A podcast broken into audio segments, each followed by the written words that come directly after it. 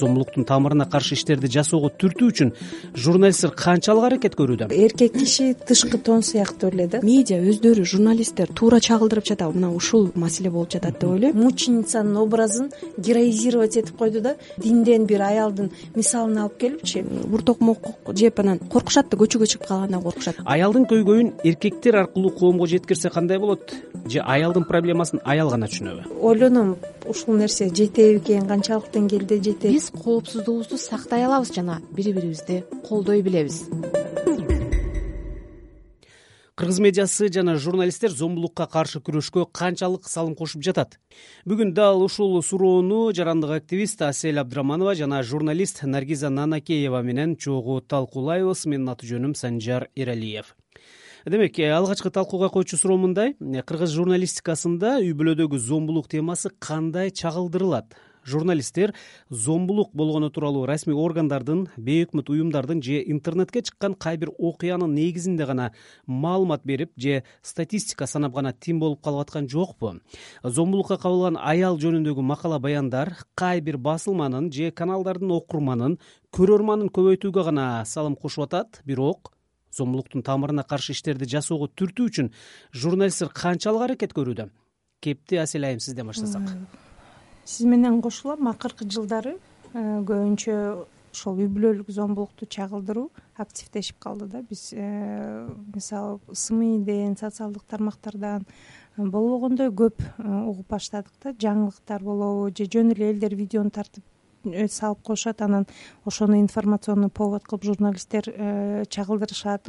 Чындыгында жанагы материал катары маалымат катары аябай көп да. Бирок э, ошол э, бир канча мына быйыл эки миң жыйырманчы жылдын башында эле кандай гана чуулгандуу окуялар болду Э, баткенде нарындагы окуялар э ошондон кийинчерээк жайында мына жалал абаддагы кырк жети жаштагы аялдын окуясы мисалы ошолорду караганда мен э, маалыматты пайдалануучу жаран катары анан байкоочу катары э, караганда маалымат кор болгон аялдын гана портретин көрсөтөт. Анан болду да анан кандай Э, ошол аялдын айлана чөйрөсү эмне ошол жөнүндө э, бир э, жакшы материалдар жок да. Ошол ал бир үй бүлөдө жашайт да. Үй бүлө мүчөлөрүнөн мисалы балким ошол эле зомбулукту жасап аткан кишиден жок дегенде эмне үчүн бул нерсе болуп атат? Эмне үчүн ошондой нерсеге барып атышат алар? Кээ бирлеринин кылмыш иши козголуп кайрадан кылмыш ишин ошол заявление жазган аялдар алып алып атат немелеринчи арыздарын анан ошолорду карап көргөндө ошо журналисттер ошол э, маселени ошол бир зомбулуктун маселесин ар тараптуу чагылдырып ошол үй бүлөнүн шартын көрсөтүп мисалы эгер алар албетте макул болсо э мен ойлойм окурмандарга дагы дагы ошол маселе тереңирээк тиет эле. Анткени бүгүнкү күндө биз эмнени көрүп атабыз? Ошол бир материалды чыгарып коет мисалы э кандайдыр бир издание этот э, э, басылмалар этот э, сайттар жаңылык сайттар анан элдин баардыгы эле ошого комментарий жазып эле отуруп калат да. Анан көбүнчө аял кишини жанагы виктим блейминг деп коет. Аял кишини күнөөлөп кайра аял жакшы болсо ушинтип токмок жебейт анан кийин өзү күнөөлүү деген дагы аябай жаман немелер болуп кетет да комментарийлер болот. Рахмат асель. Суроо эми наргиза сизге. Сиз журналистикада иштейсиз аселден айырмаланып сиз түздөн түз медианын өкүлүсүз. Журналистикада бейтараптуулук деген принцип бар эмеспи? Зомбулукту чагылдырууда журналист бейтараптыктан тайып зомбулук курмандыгы болгон аялдын таламын талашкан өңүттө баяндаса болобу бир жагынан бейтараптуулук принциби бул жагында менин оюмча сөзсүз аткарылыш керек дегенге мен көп кошулбайм. Албетте мындай анализ терең анализ жасап бул көйгөй эмнеден чыгып атат эмне үчүн ушундай зордук зомбулукка туш болуп жатат ушул маселени албетте э, терең анализ албетте мындай ашыктык кылбайт. Бирок мындай учурда мисалы бейтараптуулук мисалы ошо зордук зомбулук көрсөткөн адам бул агрессор. Мисалы психологиялык жактан анын э, өзүнүн э, кандайдыр бир мындай абалы дагы мындай талаш жаратуучу нерсе да анан кийин мындай ушу зордук зомбулуктан жапа чеккен ушу адам тууралуу материал жасап жатканда сөзсүз түрдө экинчи тараптын агрессордон дагы интервью алып э, мындай өтө деле зарылдык жок сөзсүз э, э, зарыл нерсе эмес да материал үчүн деп ойлойм да. Анан бул жерде албетте азыркы акыркы учурларда ушул медиада көбүнчө ушу зордук маселесин үй бүлөдөгү зомбулук аялга көрсөтүлгөн зомбулук абдан көп чагылдырылып жатат. Бул абдан жакшы жашаан анткени бул коомдун ушул азыркы күндө көңүлү ушул маселеге көбүрөөк бурулуп жаткандыгы бул жерде медиада чагылдырылып жатканда албетте биринчиден жакшы көрүнүш бирок ошол эле учурда медиа өздөрү журналисттер туура чагылдырып жатабы. Мына ушул да маселе болуп жатат деп ойлойм. Мисалы туура чагылдыруу же туура чагылдырбоо деген кандай? Мисалы журналисттер бул материалды жасап жатканда ошол зордук зомбулуктун курмандыгы тууралуу биринчи кезекте ойлонушу керек деп ойлойм биринчиден. Бул эми көбүн эсе жанагы э, видеого тартып жаткан э теле журналисттерине таандык анткени э, бетин көрсөтүп салышат. Алар өздөрүнүн мисалы материал көбүнчө мындай чындыкка чындыкка мындай эл ишениш үчүнбү же болбосо мындай көбүрөөк э, окурмандарын тартуу максатында мындай э, окуяны көбүртүп жабыртып өздөрүнүн да сөздөрүн кошуп анан кийин бетин ачык көрсөткөндүгү э, мындан тышкары анан кийин кээде болсо ошо материалында дагы кошуп кетишет ошо баягы эле зордук зомбулукту мындай курмандыктарына күнөөнү оодарып салган учурлар да болот да эми. Тикелей түрдө эмес деп айтпайм бирок кыйыр мааниде мындай э, оодарып салат да күнөөнүчү көпчүлүк эле учурларда мисалы кыргызстанда статистика боюнча ар бир төртүнчү кыз келин ошо зордук зомбулукка туш болот экен дагы анан кийин ошондо мисалы ар бир төртүнчү үйдө ошо телевизор көрүп жаткан аял же кыз ошол көрүп жатат да ошол материалдычы. Сөзсүз түрдө ошол материалдын аягында. Ошондой Э, жаман нерсеге чалдыккан ошол зомбулукка чалдыккан адам кайда барат? Кризистик борборлордун э, телефондорун көрсөтүп коюш керек адрестерин көрсөтүп коюш керек деп дегенди айткым жөн гана маалымат таратып койбой ооба сөзсүз дал ушул жерде бир маалыматты кошо кетүүнү туура көрүп жатам. Ковид он тогуз кризиси учурундагы карантинде элдин баары үйдө отуруп калгандыктан үй бүлөдөгү зомбулук фактылары көбөйгөнүн ички иштер министрлиги да расмий билдирип келатат. Айкын багыт коомдук фонду эскертмелерди иштеп чыккан. Азыр ошонун бирин угуп анан талкууну улантабыз. Биз азыр оор мезгилди баштан кечирип атабыз ковид он тогуз вирусуна каршы күрөштүн негизги милдеттеринин бири мүмкүн болушунча үйдө отуруу. Бирок үйдө калуу айрымдар үчүн коопсуз эмес айрыкча зордукчул күйөө менен жашаган аялдарга бул кыйла коркунучтуу эгер сиз зомбулукка кабылсаңыз сөзсүз түрдө жүз он эки кыска номуруна телефон чалып адистерден жардам же кеңеш сурасаңыз болот эгер жакындарыңыздын же тааныштарыңыздын бири үй бүлөдө зомбулукка кабылаарын билсеңиз анда ага да жүз он эки номуруна же кризистик борборлорго чалышы керектигин айтыңыз. Териштирүү иштери албетте убакытты алат бирок сизге жардам да болоруну унутпаңыз. Зомбулукка кабылгандар жүз он эки номуруна чалып акысыз кеп кеңештерди алса болот.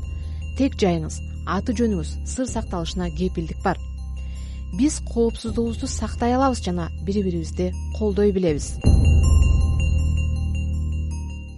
Талкууну улантабыз. Э, бүгүн асель абдыраманова наргиза нанакеева жана мен санжар эралиев зомбулукка каршы күрөштө медианын журналисттердин ролу деген теманы талкуулап отурабыз бул азаттык радиосу. Мен бир нерсеге байкоо салдым. Аялдардын укугу зомбулукка каршы күрөш темасында сөз кылганда журналисттер кайрыла турган эксперттердин көбү аял адистер экен. Бул жаатта эркек адистерди табуу аз саналуу гана алар. Аялдын көйгөйүн эркектер аркылуу коомго жеткирсе кандай болот деген ой бар менде. Же аялдын проблемасын аял гана түшүнөбү? Бул маселени мен бир канча ракурстан карап айткым келет да. Мисалы бир жагынан туура аялдардын проблемасын сезимдерин ошол зомбулукка кабылып атканда аял киши түшүнөт чындыгында. Э, ошондуктан э, менин оюмча ошол сизге келип сүйлөгөн эксперттердин э, байкоочулардын дагы көпчүлүгү аял болгону ошолор ошол маселе менен өздөрү кызыгып анан аябай тыгыз жанагы кайдыгер болбогондугу бул анткени ар бир аял кандайдыр бир деңгээлде эмоционалдык психологиялык физикалык зомбулукка кабылат да ар бир эле аял биздин коомдогу. Ошондуктан биз ошол бир аялдын маселесин э, укканда окуганда көргөндө биз сөзсүз түрдө ошол кайдыгер болбогон аялдар өзүнүн өзүнө бир кандайдыр бир тиешелүү маселе катары кабыл алат да жанагы эркек киши тышкы тон сыяктуу эле да. Карап албетте ичинде аябай сезимтал болгондору эгер менин кызыма ушундай болсо мен эмне кылат элем карындашыма деп ойлогондору анан кийин балким бир аз дагы мындай прогрессивдүү ойлогон эркектер аялдардын укугу жөнүндө маселе көтөрөт деп ойлойм. Ага дагы кошулам. Бирок кайсынысы эффективдүү болот дегенде бул жерде эркектер менен э, иштөө боюнча ошондой мисал катары өздөрүнүн мисалы аркылуу э, э, жанагы сүйлөшүп көрсөткөн эркектер болсо мен ойлойм ошол бир аз эффективдүүрөөк болот беле анткени келип алып биздин коомду билесиз биз. Азыр коомдо ар кандай жанагы катмарлар пайда болуп атат да. Анан бир чоң катмардын бири ушул жанагы патриархалдык көз караш күчөп аябай консервативдүү көз караш күчөп кеткен катмар бар да бизде. Ошолор мисалы эркек кандай болуш керек жанагы немеде илимде дагы айтып коет мачоизм деген вот өзүн жанагы чыныгы эркек катары көрсөтүп катуу катуу кол эркек катары көрсөткөн немелер бизде көп да. Мисалы ошолор менен кантип иштеш керек? Ага келип туруп кандай сен бир алтын баштуу бир аял эксперт болуп келип дагы алар менен сүйлөшсөң ал эффектин берерине мен жакшы ишенбейм да. Алар менен ошондой өзүнүн э, примеринде үлгүсүндө укуктарын э, сыйлаган кыздардын аялдардын кыз келиндердин ошондой кишилер келип сүйлөшсө балким бир эффектин берет деп ойлойм да. Зомбулукка каршы күрөшкө салым кошууда журналисттер маалымат таратуу менен катар агартуучулукту кантип чогуу алып кете алат агартуучулук жагы дегенде мисалы биз мисалы мен дагы ошо э, зордук зомбулук көрүп ошо күйөөсүнөн ур токмок жеп Э, канча жылдан бери ошондой э, запкы жеген аялдар тууралуу биз дагы ушундай долбоорубуз бар болчу. Анан ошол долбоорду жасаганда биз ойлогонбуз да команда чогулуп алып сүйлөшкөнбүз. Кандай кылып жасашыбыз керек материалдарды? Бизде ошо долбоор боюнча видео материалдарды жасап чыгарышыбыз керек болчу.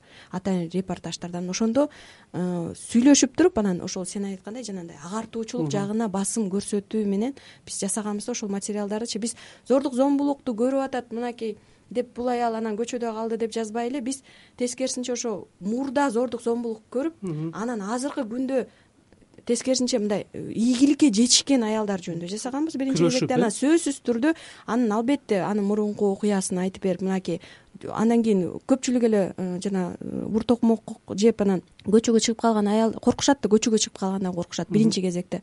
Анткени балдарым менен мен кайда барам ким кантип багам деп ошондон коркушат биринчи кезекте. Андан кийин анан жана стереотиптер кетет да.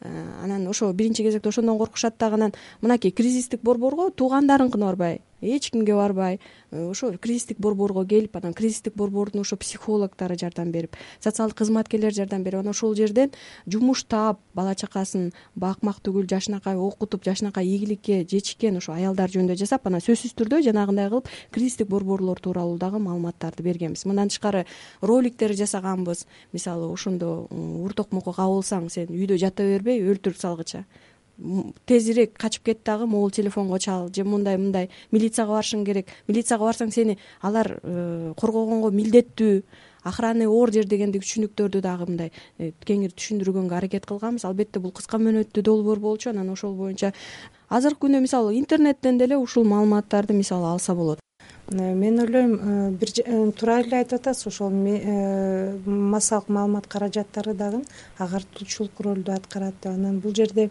эми мен журналист эмесмин бирок менин түшүнүшүм боюнча ушул журналисттик материалдардын дагы түрлөрү бар да. Мисалы в основном ошол зомбулук жөнүндө новостной жаңылык материалы катары гана берилет да анан жаңылык материал берилгенде балким ошо туура айтасыз телевизорлордо ушундай учурга кабылсаңыз могул номерлерге чалгыла же мындай кризистик борборлор ушул э, областтын мындай жеринде бар деп айтып койгон э, абзелдир бирок мен немеге көңүл бурар элем да ошол көбүрөөк жанагы кандайдыр бир башка жанрдагы э, материалдарга журналисттик материалдарга аналитикалык же болбосо кандайдыр бир документалдуу фильмдер анан мен ошол ар тарапты чагылдыруу дегенде э, балким жаңылык материалында аны бир аз кыйын болоттур бирок ошондой материалдар аркылуу э, менин оюмча ошол э, ошо зомбулукка кабылган аялдардын окуясын чагылдыруу аябай маанилүү да анан сиздин мисалыңыз мага аябай жакты. Бул жанагы медиа продукт даярдаганда бир подход бар го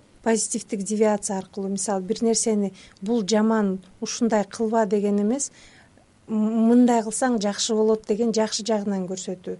Зомбулуктан качып кетүүнүн бул аябай мындай чоң психологиялык проблема дагы да. Бул бир эле жанагы каржы же э, маданий проблема эмес да.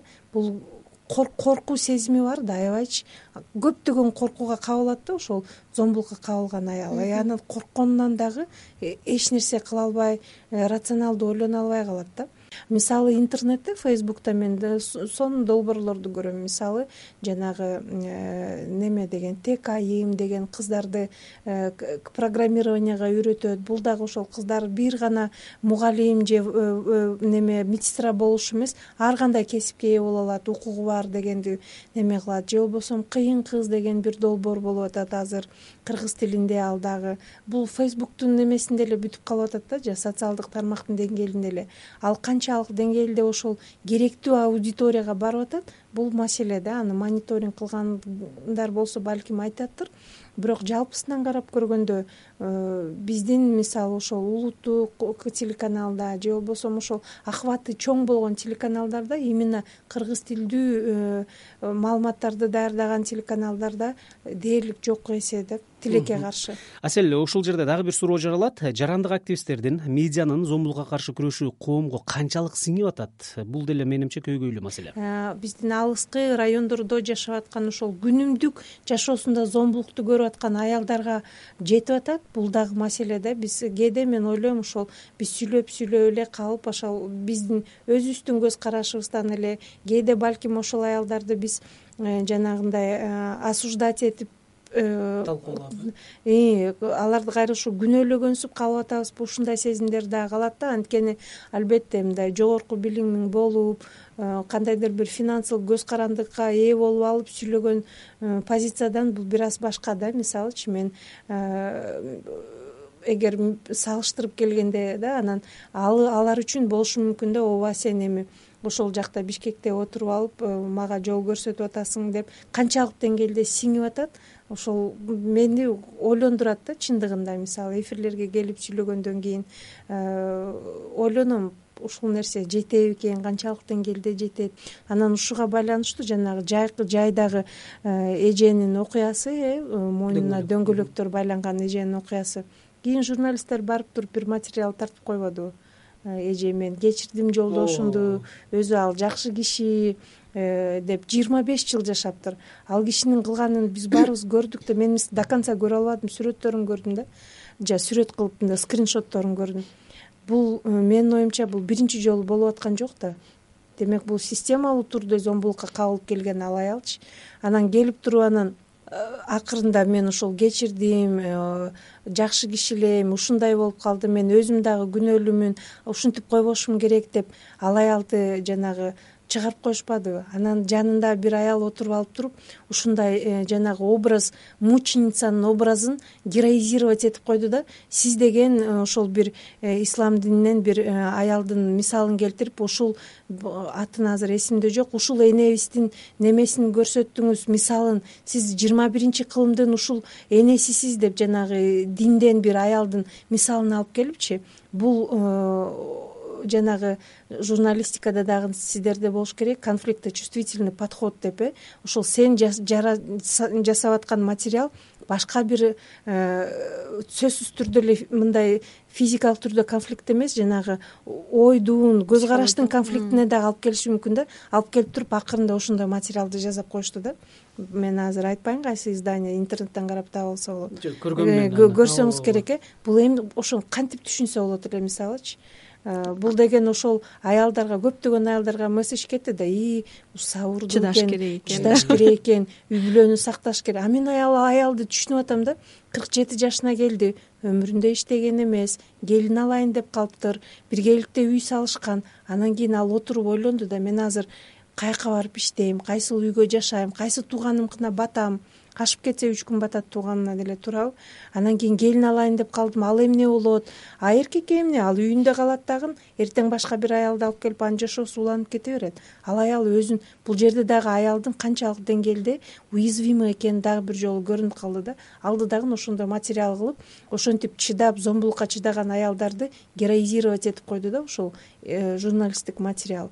Э, биз баягы эле немелер активист катары сүйлөп сүйлөп эле калып калдык да ызылдап калып калдык. Башка эч нерсеге алып келген жок. Рахмат пикирлер үчүн. Урматтуу угарман сиз азаттык радиосунда аялдардын укугуна арналган кезектеги талкууну уктуңуз бүгүн кыргыз медиасы жана журналисттер зомбулукка каршы күрөшкө канчалык салым кошуп атат деген суроого жарандык активист асель абдыраманова журналист наргиза нанакеева жана мен санжар иралиев жооп издегенге аракет кылдык талкуунун аягында айтарым зомбулукка жөн гана карап турбаңыз. Эгер өзүңүз үй бүлөдө бир зордук зомбулукка кабылсаңыз сөзсүз түрдө жүз он эки телефонуна чалып э, кабарлап коюңуз адистер менен талкуулап кеңеш алыңыз жардам сураңыз. Же болбосо жакындарыңыз тааныштарыңыз деле ушундай көйгөйгө кабылса алар деле жүз он эки номуруна чалышы керектигин кеңеш бериңиз